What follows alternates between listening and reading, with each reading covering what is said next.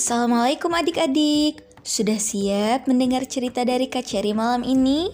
Kali ini kakak akan menceritakan sebuah kisah berjudul Kisah Raja dan Tiga Menteri dengan Tas. Selamat mendengarkan.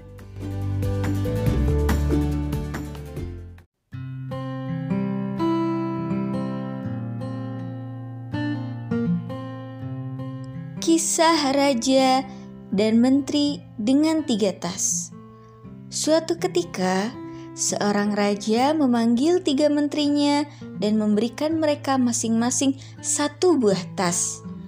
Raja kemudian menyuruh para menteri untuk berkeliling dan mengisi setiap tas dengan buah-buahan. Menteri pertama menanggapi perintah raja dengan sungguh-sungguh dan bekerja keras untuk mengumpulkan buah-buahan terbaik yang bisa ditemukan. Sedangkan menteri kedua menerima perintah raja dengan ringan, mengisi tasnya dengan campuran buah-buahan yang baik dan yang busuk. Namun, menteri ketiga malah melakukan sebaliknya.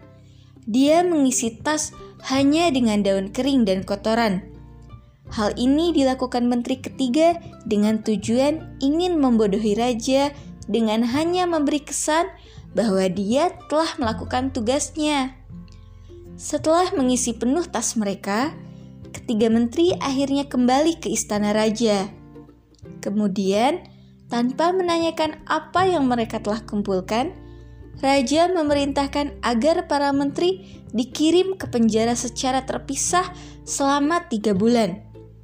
Makanan yang dapat mereka makan hanyalah apa yang mereka masing-masing kumpulkan dalam tas sebelumnya. Para menteri pun kaget dan menteri kedua dan ketiga menyesal karena melakukan tugasnya dengan main-main dan tidak bersungguh-sungguh.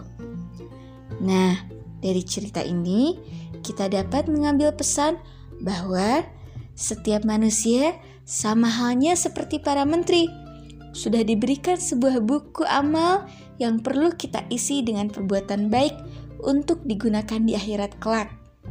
Bagaimana kita menghadapi kehidupan di akhirat akan bergantung dengan apa yang telah kita kumpulkan selama hidup di dunia.